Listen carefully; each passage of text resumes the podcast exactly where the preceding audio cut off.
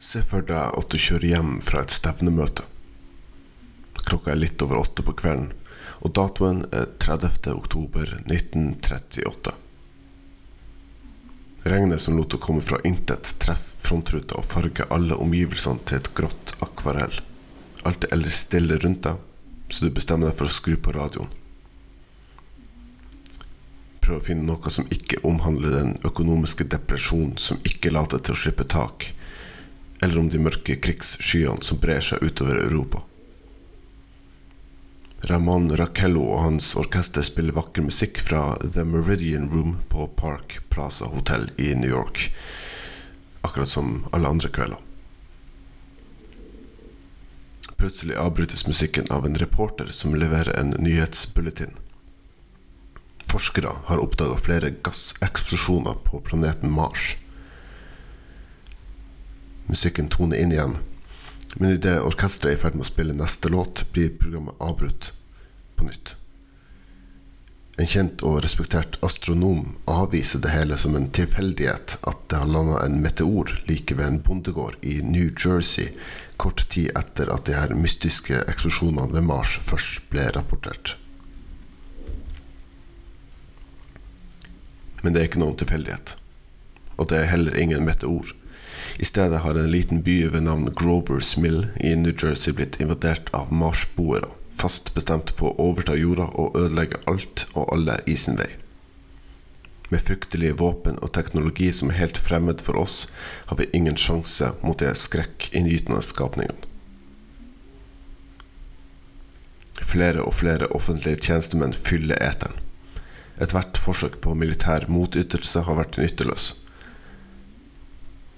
Disse skapningene har tilsynelatende en usynlig varmestråle som på et øyeblikk kan forvandle et menneske til en levende fakkel. Minst 40 mennesker er rapportert døde ved bondegården hvor meteoren landa. En general ved navn Montgomery Smith bekrefter at han har satt flere fylker under unntakstilstand og stengt alle innfartsårer, inkludert den samme veien du kjører på nå. Du stopper ved en bensinstasjon og forsøker å ringe familien din. Du forsøker å ringe kjæresten din. Forsikre deg om at de er trygge og at alt er i orden. Men alle telefonlinjene er opptatt. Radioen oppdaterer deg på at flere og flere har blitt offer for denne invasjonen fra planeten Mars, og det later ikke til at det kommer til å ta slutt før de har lagt hele jorda under sine føtter. Kaos bryter ut. Butikker barrikaderer døren og vinduene. De bevæpnet seg og forbereder seg på det verste. Du og over en million andre amerikanere er overbevist om at deres siste time er kommet. Dere har ikke fått med dere at det kun er radioteater. Så ville du trodd på det? Det er vanskelig med dagens briller å ta det for god fisk, men forestill deg at du er i 1938. En ny verdenskrig nærmer seg, og det mest trofaste og troverdige kilder til nyheter er radioen. Den samme radioen som nå forteller at landet er i krig, og at alt snart er over. Vil du kalt det fake news, eller ville du trodd på det du hørte?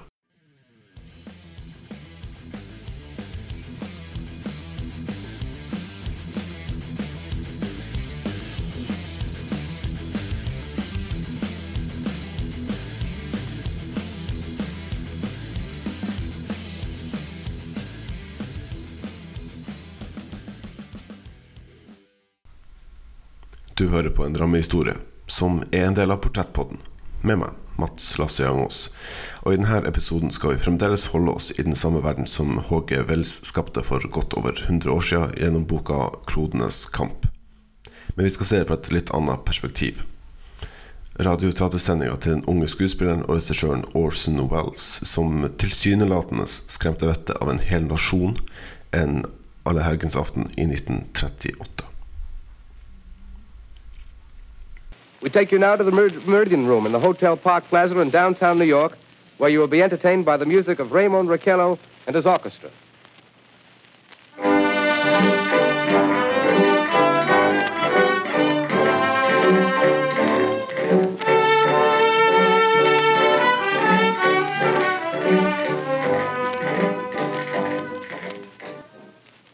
Ladies and gentlemen, we interrupt our program of dance music to bring you a special bulletin from the Intercontinental Radio News. Sånn begynte det for mange, den berømte radioteatersendinga. Orson Welles hadde enda ikke laga Citizen Kane. Han var ikke like folkekjær og hylla som han senere skulle bli. Programmet hans mista flere og flere lyttere, og akkurat denne kvelden var det et mer populært varietéprogram på en annen kanal. Når det var ferdig, skrudde mange over for å finne noe annet å lytte til. De gikk dermed glipp av introduksjonen som sier at dette er en fremførelse av H.G. Wells berømte roman. Det er ikke unormalt at man kunne høre dansemusikk på radioen en søndagskveld. Det er derimot ikke forventa at det plutselig tikker inn en nyhetsoppdatering. Man kan unnskylde at mange lyttere ble lurt, men er det urettferdig å hevde at godt over en million mennesker kjøpte alt rått og gikk bananas fordi radioapparatet fortalte dem at marsboere hadde invadert jorda? Tvilsomt. Det er mye ved denne historien som har blitt endra på og overdrevet i løpet av de drøye 80 årene siden sendinga gikk på lufta. Historien har også blitt pynta på av Orson Wells sjøl, så det er ikke godt å si hvor mye som stemmer, og hvor mye som simpelthen passer til historien. Det avisen skrev i dagene og uken etter, kan i mange tilfeller avskrives som et forsøk på å selge mer aviser og sko seg på det antatte hysteriet. Det vi vet, er at Orson Wells noen dager senere ble nødt til å gi en formell unnskyldning til det amerikanske folk. Hele uttalelsen hans ligger på YouTube, så du kan sjøl bedømme hvor helhjerta den unnskyldninga egentlig er. Dermed kan vi ikke konstatere at denne ene episoden fra Orson Wells and the Mercury Theatre on the Air skapte like mye oppstyr som det har blitt hevda. Likevel blir det litt for lettvint å bare avfeie det som et tidlig eksempel på fake news. Av de som hørte på, var det mange som ble urolig, og telefonlinjen var angivelig opptatt etter hvert som dramaet bygdes opp. Ved Ground Zero, Grovers Mill i New Jersey, hadde en milits blitt danna og noen fyrte til og med av skudd mot det de trodde var en marsboer, men som senere viste seg å være byens vanntårn. Så det var helt klart kaos og frykt som styrte mange av lytterne. Når det er sagt, så hadde programmet blitt annonsert i forkant, og Orson Wells gikk på radioen til samme tid hver søndag. Så det er rett og slett ikke godt å si. Det er vanskelig å skille fakta fra effekt i denne historien. Da HG Wells skrev romanen 'Klodenes kamp' i 1898, satte han handlinga til sitt nærområde i Surrey utenfor London. Marsboerne var selvfølgelig en metafor for noe annet, noe mellommenneskelig. Men han satte det til områder som leserne kjente til.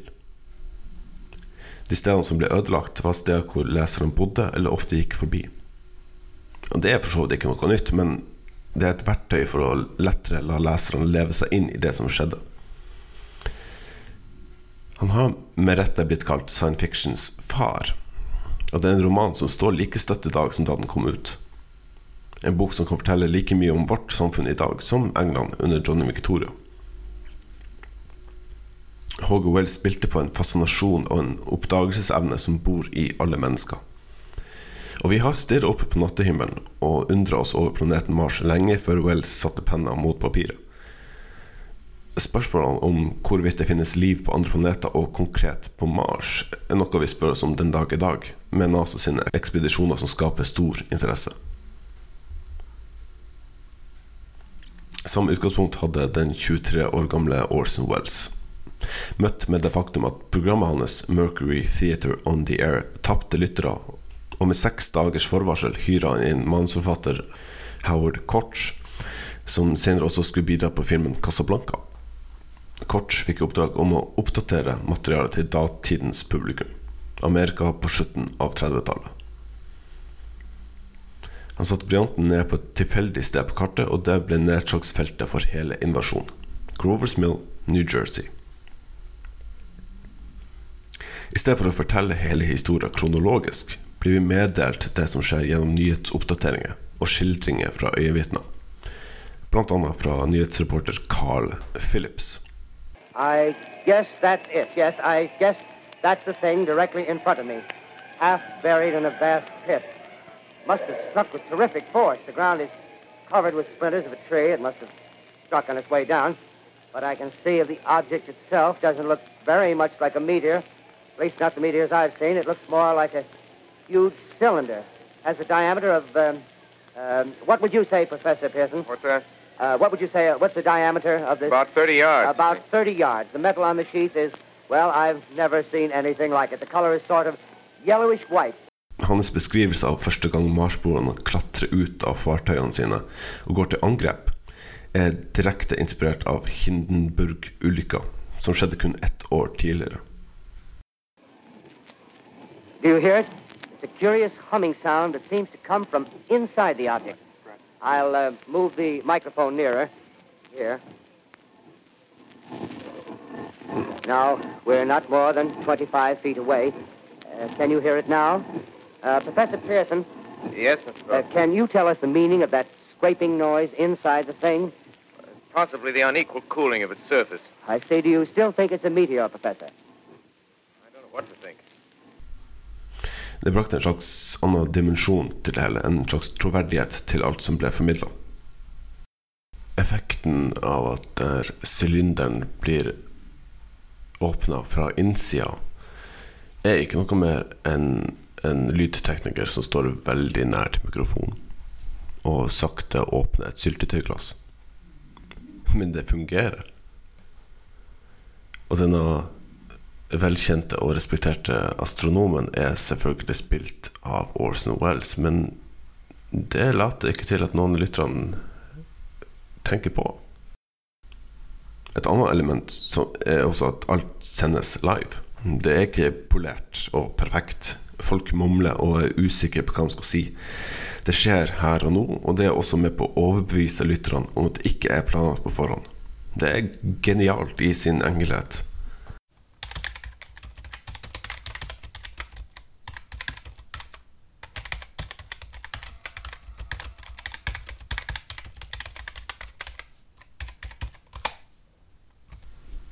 Idet marsboerne nærmer seg New York, blir kaoset et faktum.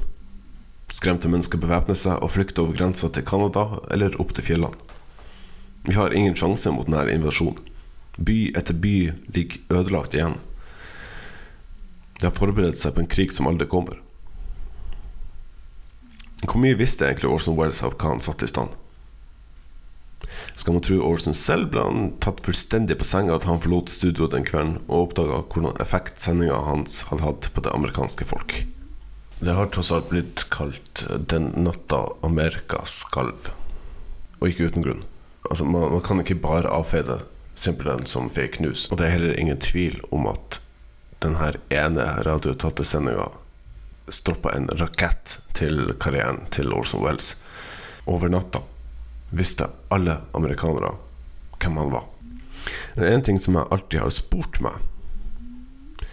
Jeg hørte denne episoden her for første gang da jeg var tolv år gammel og lå på gutterommet mitt med alle lysene av og skremte meg sjøl med vilje.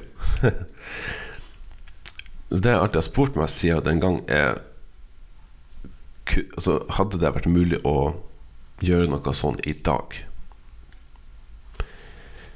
Det er mest, mest sannsynlig er det svaret nei. Altså, hadde man hørt på radio at ja, si f.eks. en sylinder eller en meteor hadde landa rett ved grunnlovsbygninga på Eidsvoll, eh, så ville man jo gjerne gått på internett, på Google, på en eller annen nyhetskilde som man stoler på, og prøvd å dobbeltsjekke. Bekrefte at, at det som skjer, faktisk har skjedd på ordentlig. Um, vi er altså Vi har et hav av informasjon hver eneste dag. Og vi har egenskaper og muligheter som de ikke hadde i 1938, selvfølgelig. Så det ville nok ikke gått. Men det blir jo bare spekulasjon fra min side. Jeg tror hvis jeg virkelig skal få svar på det, så trenger jeg litt hjelp.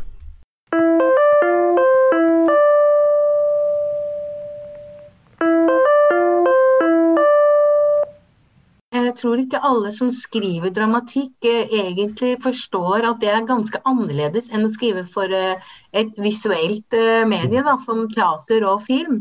Ennå det er utrolig visuelt egentlig, fordi vi skaper jo bildene inni oss. Stemmen du hører, tilhører Else Parat Due.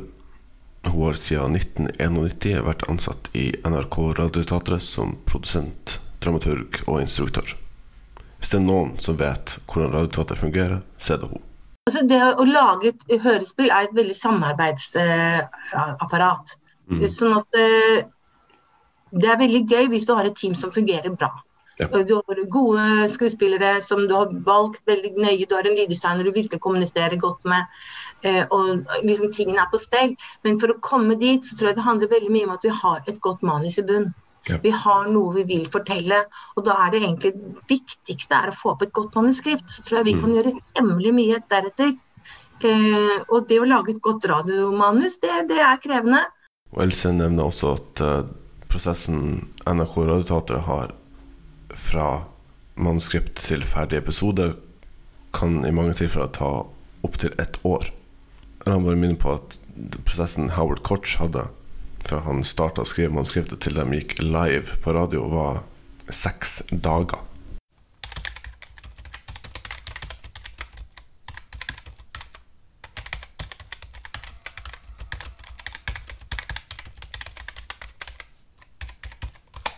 På den tida, altså i 1938, så hadde man jo selvfølgelig ikke den teknologien som vi har i dag.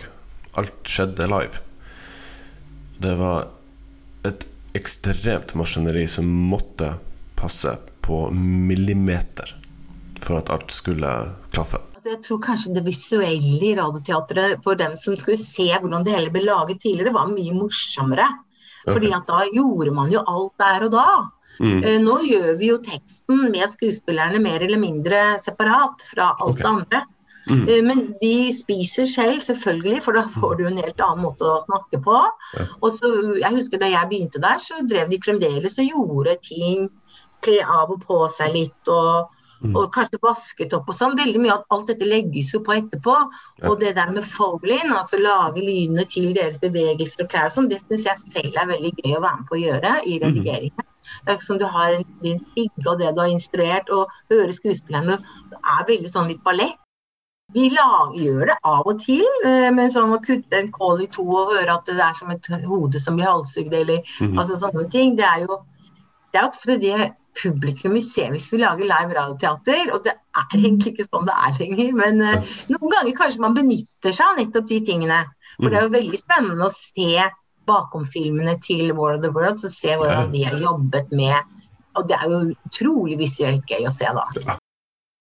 Så er jo da det store spørsmålet, det som jeg har lurt på siden jeg var tolv år gammel. Hadde man laga en sånn episode i dag, hadde man klart å skremme hele Norge? det, jeg har tenkt litt på det der og lurt litt på hva man burde gjort. Men jeg tror igjen alt står og faller på et troverdig manus. Altså, hva skal til i dag for at folk blir skremt? Og det må gå viralt veldig raskt. Det er nesten sånn at når du får vite at Trump har fått covid-19, så vet alle det. Ja. Hvor går en nyhet? da? Og, og, og sånn, så det må være en troverdighet. Det her er, handler jo om dramatikernes fantasi, rett og slett. Hva skal de skrive om? Skal de skrive om hvordan algoritmene spiser oss opp av artificial intelligence? Hva er det vi frykter i dag? Jeg husker da vi hadde 22. juli-drama. Ja. Eh, så satt jeg og så på bombingen av Høyblokka og, og alt som foregikk nede i byen i Oslo. Og så begynte de å snakke om at det var kommet noen meldinger om noen ungdommer som drev og svømte borte ved Utøya, det var noe skudd. Så tenkte jeg, men glem det da! Her skjer det, ikke sant? Og så plutselig, når i den sendingen var det alt bare handlet om Utøya. Og det, den glidende overgangen der, og det må skje noe som vi kan tro på. Jeg tror ikke vi ville trodd på at det kommer Marsboere, men hva, hva? Jeg har tenkt litt på det. Men la oss si at vi hadde fått et godt manus som vi kunne tenke at dette kanskje vi kan få til. Så tror jeg at eh, det å få det til å bli autentisk, om- det tror jeg faktisk vi ville klare. Så den kompetansen på å liksom klare å gjøre hvis det skulle gjøres live, hvis det skulle ha en sånn autentisitet, så måtte vi nok eh, planlegge kanskje litt mer enn det Årsmeldt gjorde. Mm, tenker ja. jeg. Hvordan i all verden skulle en NRK-greie i P2 plutselig sprenge Da må det være noe så sinnssykt som skjer. Mm. For i dag tror vi jo så lite på ting. Vi, Ja. Fake news og alt. Så, Mm. så det er mange, mange aspekter ved det. Men det hadde vært innmari moro, da Ja, ja. skulle, det som skulle lages, det måtte bli så spennende at det ble snappet opp fort overalt. Ja. Det, måtte gå fort. Mm. Ille tørt gress-greier for at det skulle sette ut folk som fikk panikk, da. Mm. Så nei, det, det er et morsomt spørsmål, og det hadde vært gøy å prøve det. Du hører på Portrettpodden med Mats Lasseangos.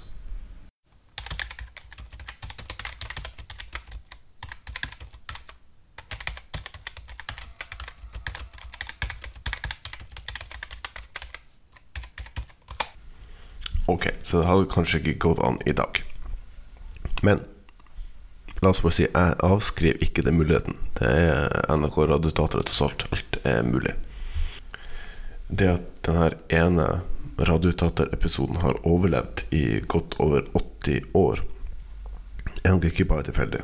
Og det, og det er heller ikke kun uh, pga. det hysteriet som, som dukker opp rundt hele episoden. Mange tilfeldigheter spilte inn.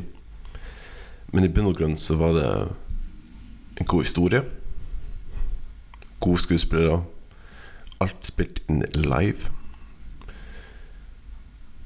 Som til sammen da førte til at hele Amerika skalv en allehelgenskveld i 1938. Du har hørt på ei rammehistorie som er en del av Portrettpodden. Med meg, Mats Lasseangos. Min takk til Else Barrat for hennes bidrag i denne episoden. Har du gjort noen tanker mens du har hørt på? Har du ris eller ros eller tips du ønsker å komme med, så kan du rette deg til Portrettpodden sine Facebook-sider. Portrettpodden arbeider i henhold til Vær varsom-plakaten. Takk for at nettopp du hørte på, og vi høres snart igjen.